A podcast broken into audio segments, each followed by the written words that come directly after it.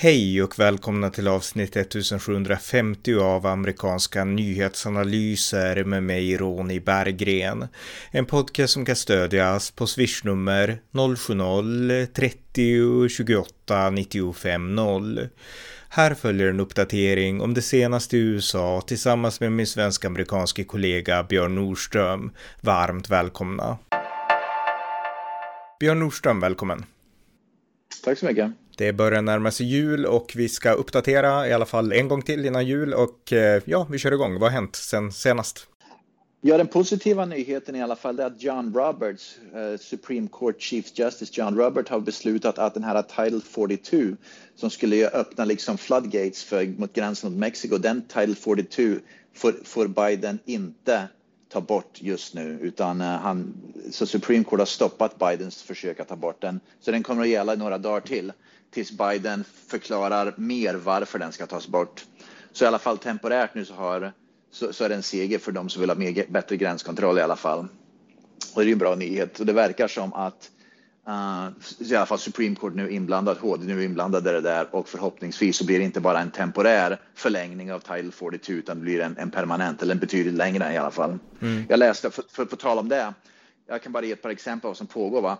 Det, står, det bokstavligen är tiotusentals migranter som vet om att Title 42 är, är på väg att, att, eh, att, att, att um, tas bort nu av Biden. Mm. Och det, det, är tiotusentals migranter som, är nu liksom, som har liksom slagit upp tältläger och står bokstavligen vid gränsen vid Mexiko för att springa över mot gränsen mot USA. Så fort den tas bort så liksom kommer de att ränna över.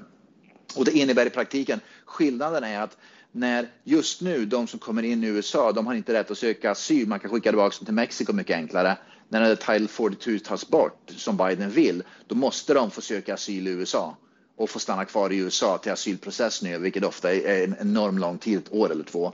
Och jag bara för ett ytterligare ett par exempel. Yuma här i Arizona, en gränsstad här mot Mexiko, Arizona, El Paso i Texas och även eh, de har ansökt redan nu, har de deklarerat eh, state of emergency, för de, de, de vet att de kommer att bli eh, invaderade av, av, migranter. Och till och med New York City, Eric Adams som är borgmästare i New York City nu, han har också gjort en declaration att det är en, en emergency på gång i New York City. Och han har redan nu dragit ner servicer, liksom service till eh, amerikanska medborgare och istället tar de pengarna från amerikanska medborgare, till exempel fattiga och hemlösa, och börja dela ut dem nu för att hjälpa migranterna som kommer dit. Han räknar med att det kommer att komma tusen migranter i veckan till New York och han då är skitförbaskad på guvernören i New York så att det är, och, och, och då naturligtvis i grunden skitförbaskad på Biden. Mm. Så att det här är, det, det, det, kommer att bli total kaos alltså om det här, om det här försvinner. Va? Så att HD måste stopp, liksom komma in och, och, och stoppa Bidens galenskaper. Mm, ja, verkligen. Jag såg ett inslag just från El Paso och det verkar helt kaos där. Alltså, och ja. eh, det här är ju ändå en stat som är demokratisk i grund och botten. B.T. O'Rourke kommer ju från El Paso liksom. Jag menar, den, ja. och den är helt dysfunktionell av, av allt man kan se i de här bilderna. Ja, det kommer ju tusen personer över, om dagen över gränsen. Va? Jag menar, mm. det, det, har ju, det, som jag nämnde, då, det är liksom tusentals som bokstavligen står på andra sidan gränsen redo att bara ränna över så fort den här Title 42 tas bort, då, om den nu tas bort. Och de, många av dem hamnar ju då i El Paso till exempel. Det är liksom, eller Yuma i Arizona eller då San Diego eller Los Angeles i Kalifornien. Det är liksom första målet. va. Så att det, det kommer bokstavligen att bli kaos. Alltså det här kommer, systemet kommer att bryta ihop fullständigt väldigt, väldigt fort. Mm. Eh, en, en, annan nyhet jag kan nämna bara lite kort är att Biden har nu presenterat en plan för att få hemlösheten i USA som präglar så många storstäder i USA att sjunka med 25 procent till år 2025. Och många konservativa de bedömer att det här är orealistiskt och de är mycket kritiska. Jag har inte läst detaljerna, men jag läste bara det att han vill ha, alltså han har en plan nu som hemlösheten ska bort i liksom 25 procent ner till 2025. Låter det rimligt, tycker du? Absolut inte. och det är det som är, det, det, det som är så verklighetsfrånvänt av Bidens sida, det är ju det att om han tänker dra in alla de här äh, migranterna nu som, kommer, som då står och väntar. Dels kommer många av dem bli hemlösa och som jag nämnde, många städer, bland annat New York City, har ju redan nu börjat dra ner på resurserna för att hjälpa hemlösa. Mm. Så han bara ökar ju på problemet. Antalet hemlösa kommer ju öka dramatiskt under Biden istället för att minska om han då bara släpper in alla de här illegala invandrarna som då kommer att ränna in. Därför att resurser kommer istället att omfördelas till illegala invandrare istället för hemlösheten, de lokala resurserna. Och det slutar ju med att det är federala myndigheterna som måste stå för, för, liksom, för kalaser och betala allting. Och eh, de pengarna finns ju inte de heller va? Så att det, det finns ju inga resurser för det där. Nej, nej. Eh, ja, något annat? Ja, ytterligare ett bra, eh, ett bra initiativ. Delstaten Ohio har nu i delstatskongressen då beslutat att man ska, man ska stärka uh, val, vad ska man säga, man ska, för att få rösta i delstaten Ohio nu så, så måste man visa ID, eh, ID-kort. Både om man ska rösta i person eller i eh, poströsta. Och det ska gå nu, den motionen som har gått igenom kongress, senaten och representanthuset i Ohio ska nu hamna på, på bordet hos uh, Ohios uh, guvernör som är en republikan. Han kommer skriva på det. Så Ohio kommer att stärka valsäkerheten nu uh, ganska kraftigt faktiskt med omedelbar verkan, vilket är toppenbra nyheter i alla fall för dem i Ohio. Mm, ja, verkligen. Och det, det, det, det, kommer, det det kommer att gynna är ju naturligtvis republikanerna därför att demokraterna vill ha slappa eller inga ingen valsäkerhet överhuvudtaget, för det gynnar ju dem, utan det, det, det här Ohio är en svängdelstat, så det här kan faktiskt ha en positiv påverkan på Ohios, uh, hur Ohio röstar i framtida val. Mm. Ja, ja, precis. Eh, och på tal om val och liknande saker så det är också ett val i representanthuset, alltså vem som ska ta över som republikanernas ledare och bli new speaker. Och det är såklart Kevin McCarthy som är högst i topp på listan, men han har utmanats av några andra, en som heter Biggs och jag tror några fler också. Och han har fortfarande störst chans, men nu har Trump lagt sig i, alla fall och Trump har sagt att eh, han, han ställer sig ändå till slut. Han har inte varit helt tydlig här, Trump, därför att det finns andra, in, andra falanger som är med Trump-lojala. Men nu har Trump ändå beslutat att ge sitt stöd till Kevin McCarthy och jag tror att det är jättebra mm. för att få tyst på de här motståndarfalangerna. Så att Trump ger Kevin McCarthy stöd nu i liksom kampen att bli Republikanernas partiledare och ny Speaker of the House. Ja, okej, okay. jag såg att Lauren Boebert, hon är väl en uh, hon är kongressledamot. Är från, från, precis, hon är från Colorado om jag inte minns fel. Uh, hon är i alla fall här emot Kevin McCarthy, men hon har sagt jag kan tänka mig att stödja McCarthy om vi skriver in en paragraf i, vad ska man säga, en ny regel för, för Speaker of the House för Republikanerna nu då, att man måste kunna avsätta den om man inte är nöjd. Så att eh, det kommer, jag tror att han kommer att bli Speaker of the House, men det är möjligt att det kommer att bli med under vissa villkor, med någon slags Tidöavtal då, men inom Republikanerna här med, i, eh, i, i representanthuset. Ja, men, men det som är bra med att Trump ger honom stöd är att Trump har ju sett som någon som har stått på den andra sidan lite grann, så att nu ja. backar ändå Trump liksom den genuina, riktiga kandidaten här och det, jag tror att det kan ändå få lite tyst på sådana här som inte vill se Kevin McCarthy, vilket jag, jag hoppas att han vinner verkligen. Um, ja, något mer? Ja, precis. Ja, jo, jag tänkte bara återgå snabbt till det här med gränssäkerheten. Äh, Vita husets pressekreterare i alla fall för ett par dagar sedan fick frågan vad Kamala, Kamala Harris blir utsatt, för hon blev utsedd då till vad ska man säga, hon, att vara bossen över då gränsen för, för Mexiko, att hon skulle liksom ta över den och, och överse det jobbet där då. Och Vita husets pressekreterare för ett par dagar sedan fick frågan om vad har Kamala Harris gjort för att öka gränssäkerheten? Vad gör hon? Vad sysslar hon med angående gränsen i, mot Mexiko? Och pressekreteraren kunde helt enkelt inte svara på frågan. Det var liksom ett blankt svar, det var inget svar alls. Hon kunde mm. inte svara på frågan. Om inte ens pressekreteraren lyckas svara på frågan vad Kamala Harris gör som arbete för att, för att för, förbättra vid gränsen, då begriper vi naturligtvis att hon gör ingenting. Nej, precis. ja, något annat? Ja. Um, allt fler, jag såg en artikel där skriver allt fler unga, för att återgå till det här uh, med transgenders och allt det där, allt mm. fler unga här i USA börjar göra detransitioning nu, där man med andra ord, man ångrar sig och man då ska återgå till sitt uh, ursprungliga kön. Och allt fler unga, eller även vuxna då, kommer ju ut och säger rakt ut att de har inte vågat säga någonting men att de har börjat nu när det är fler och fler som börjar tala, tala om det här så går de också ut. Så det är, en, det, är en, det är en växande rörelse nu bland transgenders här i USA som börjar förespråka att de gjorde ett misstag och de ska göra en detransitioning och återgå till sitt ursprungskön. Och, um, så att man ser verkligen att det har börjat förändras. Snacket här i USA har börjat förändras kring det där och, och när man läser då vad, vad, de, vad de har att säga om det där, va? så säger de alla samma sak.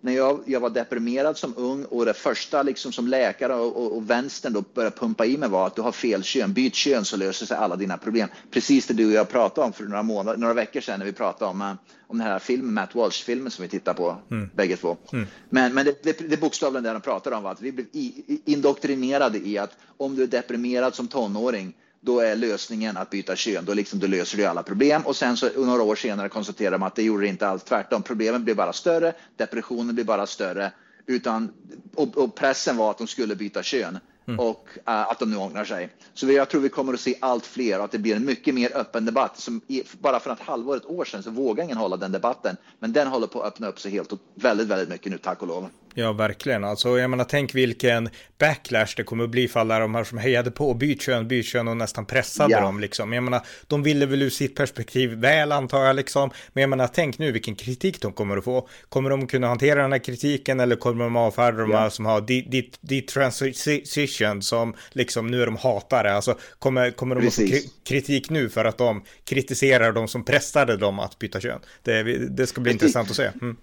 Och det, det, vi kommer att se så småningom också, det är bara en tidsfråga, det är inte fråga om om, utan en fråga om när, när de här som gör detransition, när de kommer att börja lämna in stämningsansökningar i domstolar mot de personerna som pressar dem eller som i princip påtvingar dem att göra det här som mm. minderåriga. Så det kommer ju också naturligtvis, så det här kommer att hamna i domstolar så småningom, när förhoppningsvis vissa människor då som, som låg bakom all den här indoktrineringen kommer att uh, helt enkelt bli, bli held accountable för det där. Ja. Eh, jag tänkte också säga en sak, alltså det här med politiska dynastier och så, det är inte så hett i USA, utan jag menar USA är ju ett land där vem, vem som helst kan bli president oavsett om man heter Donald Trump eller Barack Obama. Men det finns också två stora politiska familjer, det är Bush-familjen och Kennedy-familjen. Och nu ja. har Joe Biden valt Joseph Kennedy den tredje, alltså jag tror att det blir John F. Kennedys brorson eller något sånt där, son till Robert Kennedy tror jag han är. Mm. Eller barnbarn till Robert Kennedy, så att lite mer avlägset då, men han ska bli Bidens special inte ambassadör kanske, men specialledande legation till Nordirland i alla fall. Jaha, ja, det visste jag inte om. Så att nu kommer Kennedy att komma in i politiken igen. Återigen. Ja, ja. precis. Ja, eh, det var bara det. Något mer?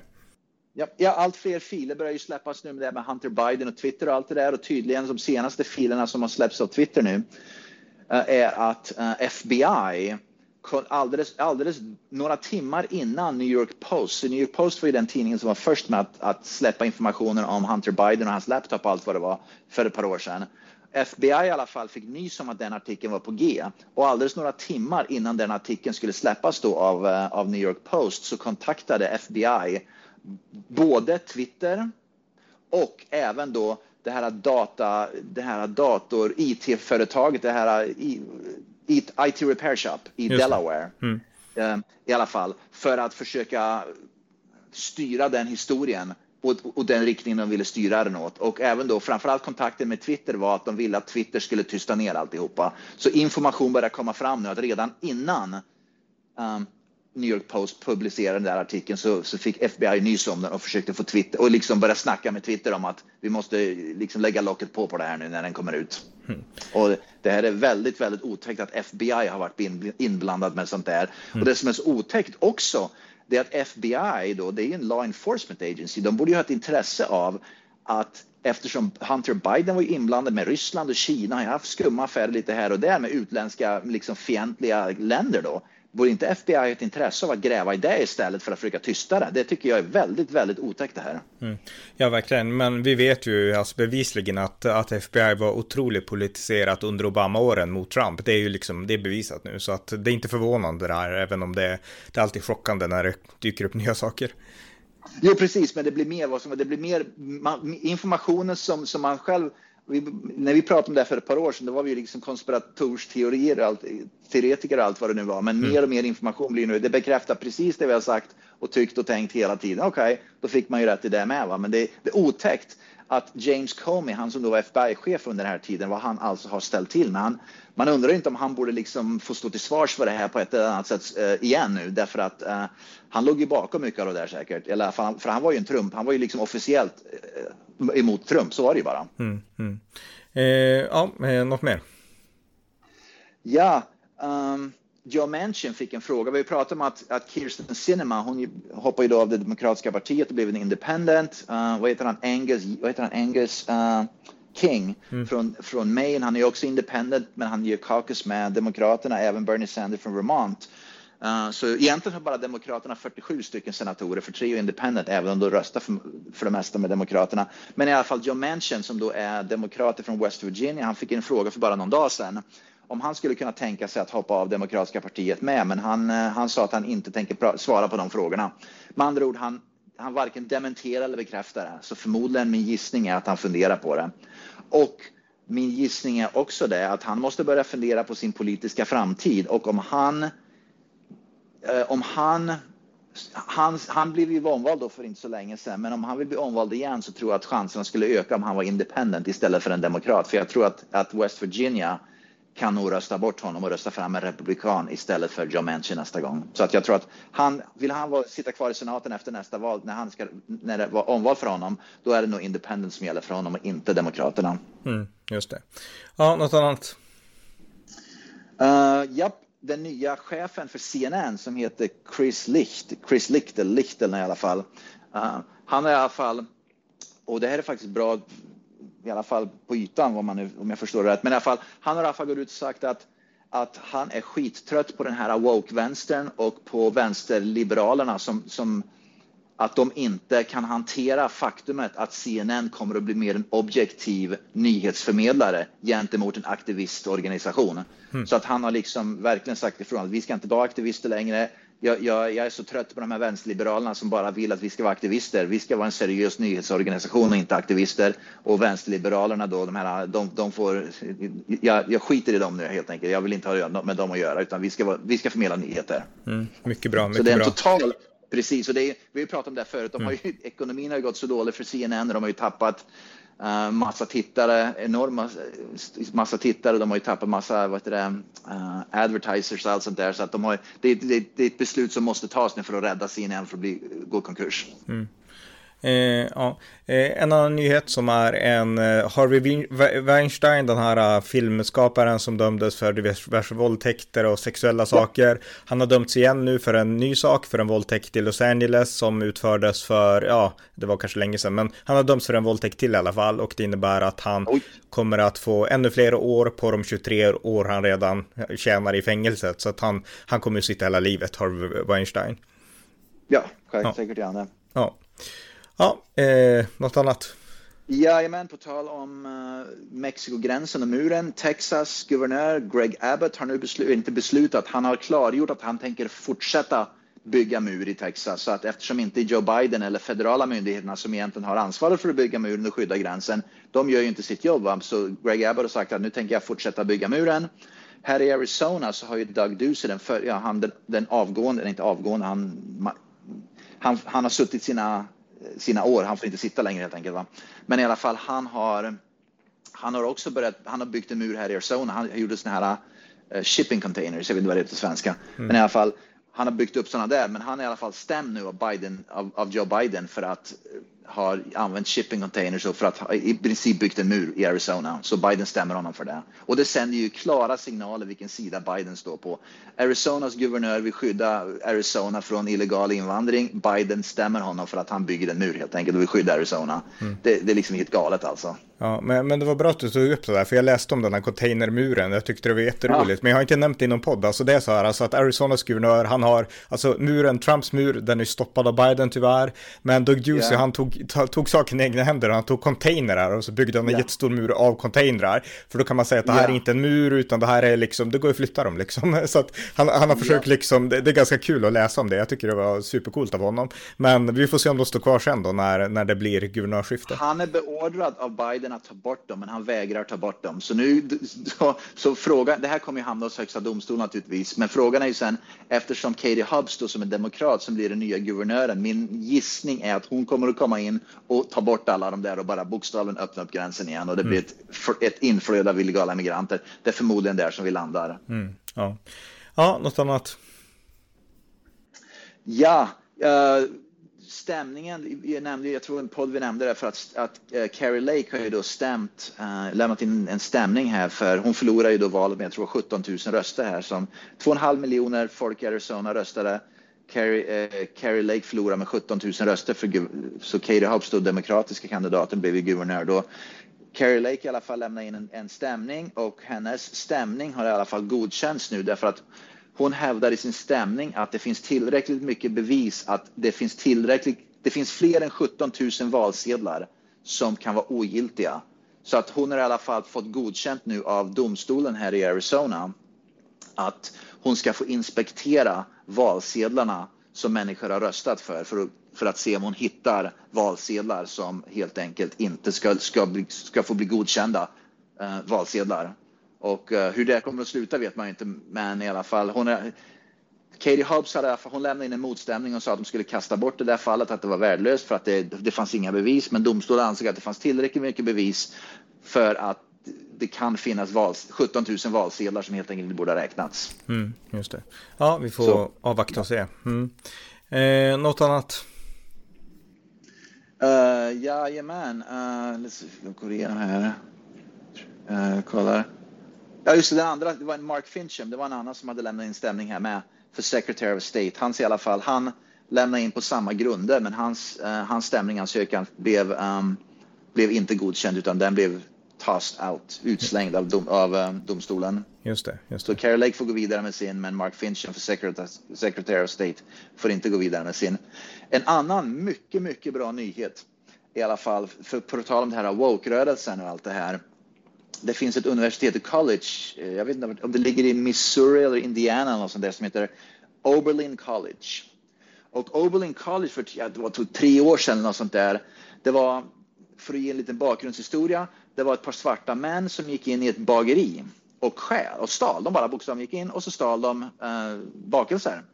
Ägaren för bageriet eh, ringde polisen då och ville få dem haffade universitetet som heter Oberlin College, som, det är bokstavligt college som ligger rakt över gatan från bageriet, mm. gick officiellt ut och anklagade ägaren då för bageriet för att vara rasist. Därför att han då anmälde dem för att de var svarta, inte för att de stal, utan universitetet gick ut och sa att du anmäld, polisanmälde och liksom ringde polisen för att de var svarta, inte för att de stal.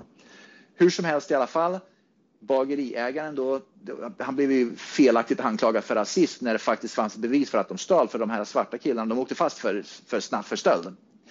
Då, han i alla fall, ägaren då, han stämde Oberlin College och han, eh, och ett, eh, han vann i alla fall stämningen och Oberlin College måste betala honom 36 miljoner, jag tror 36 miljoner dollar för, eh, vad heter det på svenska, eh, ärekränkning i alla fall. Vilket är alldeles utmärkta nyheter. Därför att när det här, så de här sakerna, vi pratade om sådana här, så här förut, när sådana här grejer kommer upp först, då tycker man ju att herregud, Oberlin College är liksom att de kan anklaga, gapa och skrika liksom, och anklaga människor för, för rasism hur som helst. Men vi nämner ju ofta det att liksom när, när, när vad ska man säga, justice system, deras kvarnar får mala, då till sist så kommer det att bli ett, ett beslut som kanske inte riktigt stödjer det som vi trodde från början. Va? Rättvisan kommer alltid ikapp.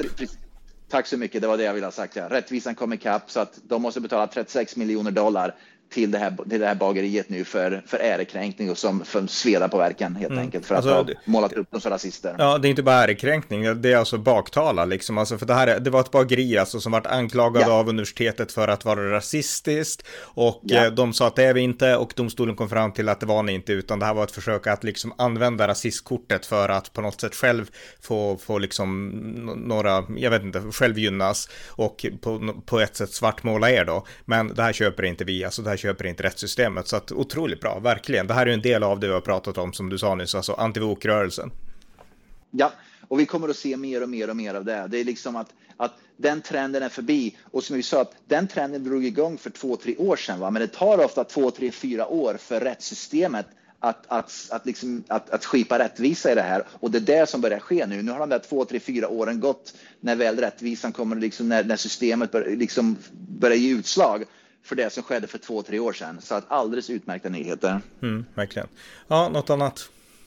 Ja, vi pratade om det här, du och jag, Pelle Zachrisson gjorde en podd när vi pratade om det här att Trumps trading cards för några dagar sedan. Mm. De trading cards i alla fall sålde slut inom 24 timmar. Oj, okej. Okay. För att nämna det. Så de är slutsålda. Det Trump också lovade att när man köper de här trading cards då kunde man vinna priser. Som andra ord, med de där trading cards så kom det priser man kunde vinna. Till exempel man kunde, få, ha, man kunde vinna en middag med Donald Trump, man kunde vinna en golfrunda med Donald Trump. Mm. Så det var inte bara trading cards, det var också lotteri av priser. Med, man fick träffa Donald Trump på olika sätt, på golfbanan, i restaurang eller vart det nu var. Mm. På olika ställen. Vi, vi, vi hånade ju honom lite efter det här, för vi tyckte inte att det var värdigt en presidentkandidat att göra så här. Men jag menar, han har affärsmässigt så har det ju gått som smör, med andra ord. Ja, man sålde ut dem så det mm. han tjänar jättemassa. Jag, menar, jag vet inte hur många trading cards som han, som han sålde, men om det kostar 99 dollar styck va, så, så mm. har han säkert tjänat en hacka på det där. Han kommer säkert att sälja ännu fler. Och jag tänkte på tal om Donald Trump, den här uh, January 6, 6 januari-kommittén i kongressen nu har i alla fall lämnat in en formell rekommendation. De gjorde en omröstning idag och det är majoriteten demokrater i den kommittén då, men de har nu formellt lämnat in en uh, rekommendation till um, Justice Department, vad heter det, justitiedepartementet att, uh, att uh, åtala Donald Trump för brott. Mm. Men det jag hörde nu på nyheterna ikväll var att justitiedepartementet är inte speciellt intresserade av att, att åtala Donald Trump. Um, så att de kommer att titta på det, men indikationen är att de kommer inte att åtala honom. Sen såg jag också Mike, Mike Pence nu för bara några minuter sedan, alldeles innan du ringde, vi ringde. Mm. Uh, han gick ut och sa att det inte är en bra idé att åtala Donald Trump för att USA är så splittrat och om Donald Trump åtalas, det kommer bara, då kommer det bli raseri i landet på olika sätt. Så att det kommer bara, liksom, det är bara att kasta på bensin på elden helt enkelt. Mm. Men som sagt var, min gissning att min förståelse att, att Justice Department kommer inte att göra det. Nej, och det, det är ett bra beslut att inte göra det. Jag tycker att den här utredningen har varit bra. Alltså jag lägger skulden för 6 januari på Trump, men däremot alltså man ska inte hålla på att åtala en tidigare president. Presidenten står på ett sätt över lagen. Det är faktiskt så konstitutionen funkar och det är det som demokraterna inte fattar, utan de vill hela tiden spela det här spelet. Det var likadant när George W. Bush var president. Då var det jättemycket press på Obamas justitieminister Eric Holder att åtala Bush för tortyr på Guantanamo och liknande.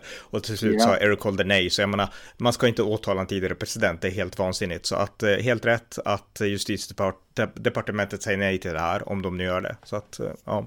Min gissning är att om, om de skulle åtala Donald Trump, min gissning är nog att eftersom det är republikanerna som kommer att ta över um, majoriteten i representanthuset och bli ledare då för uh, för de här kommittéerna. Min gissning är då att det kommer att gå ganska fort innan. Eh, jag tror att man kommer, de kommittéerna vill börja åtala eh, Hunter, eh, Joe Biden för korruption. Mm. Så min gissning är att det kommer i så fall också ske att, att att rekommendationen kommer att bli att Joe Biden måste åtalas för att han, för att han inte säkrar landets gränser eller för hans involvering med, med Hunter Biden och så vidare, va? som en hämndaktion i lite grann. Så det bästa är att ingen åtalas utan istället försöker vi lösa problemen som landet liksom kämpar med istället för att åtala sittande eller före detta presidenter. Ja, nej det går inte. Det är helt, a, house divided cannot stand, sa ju Abraham Lincoln och det är helt, Precis. jag menar, så här kan man inte bete sig. Eh, Stacey Abrams, minns du hon som kandiderade till ja. guvernör i Georgia och förlorade mot, ja, mot Brian Kemp. Hon var väldigt hypad och hyllad och hon samlade in 100 miljoner dollar inför den här,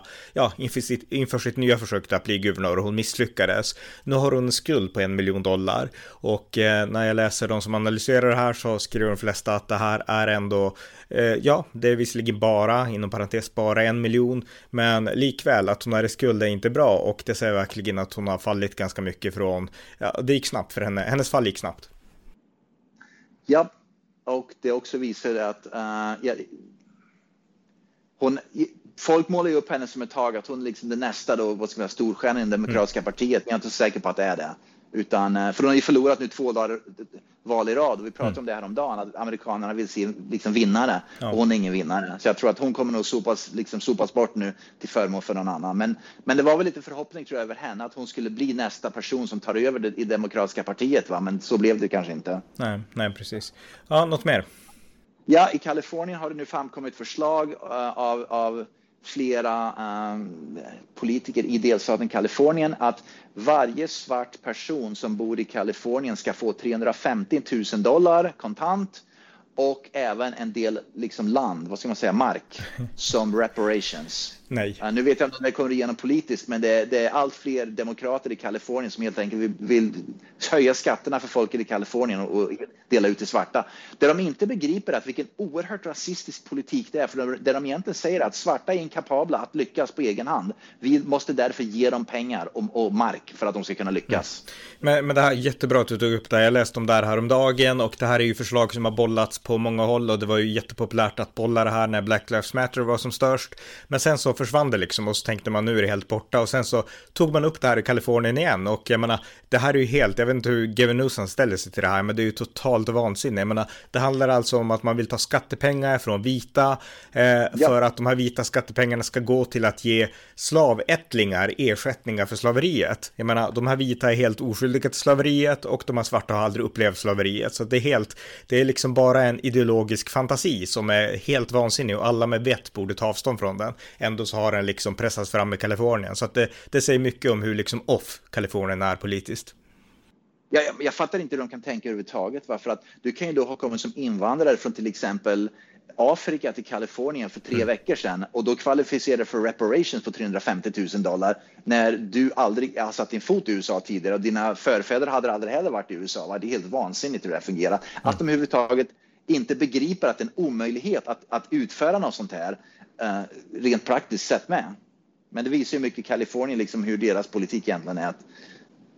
Mm, ja, verkligen. Absolut, absolut. Eh, ja, något annat? Jag kommer ihåg den här Sam Britton vi pratade om, han som då var Bidens uh, energy, liksom energi. Ah, ja. Mm, ja, ja. Mm, ja, ja, för mm. han den här Transgender. Mm. Ja, precis. Transgender, non-binary som, hade, som stal en massa resväskor vid mm. flygplatser i alla fall.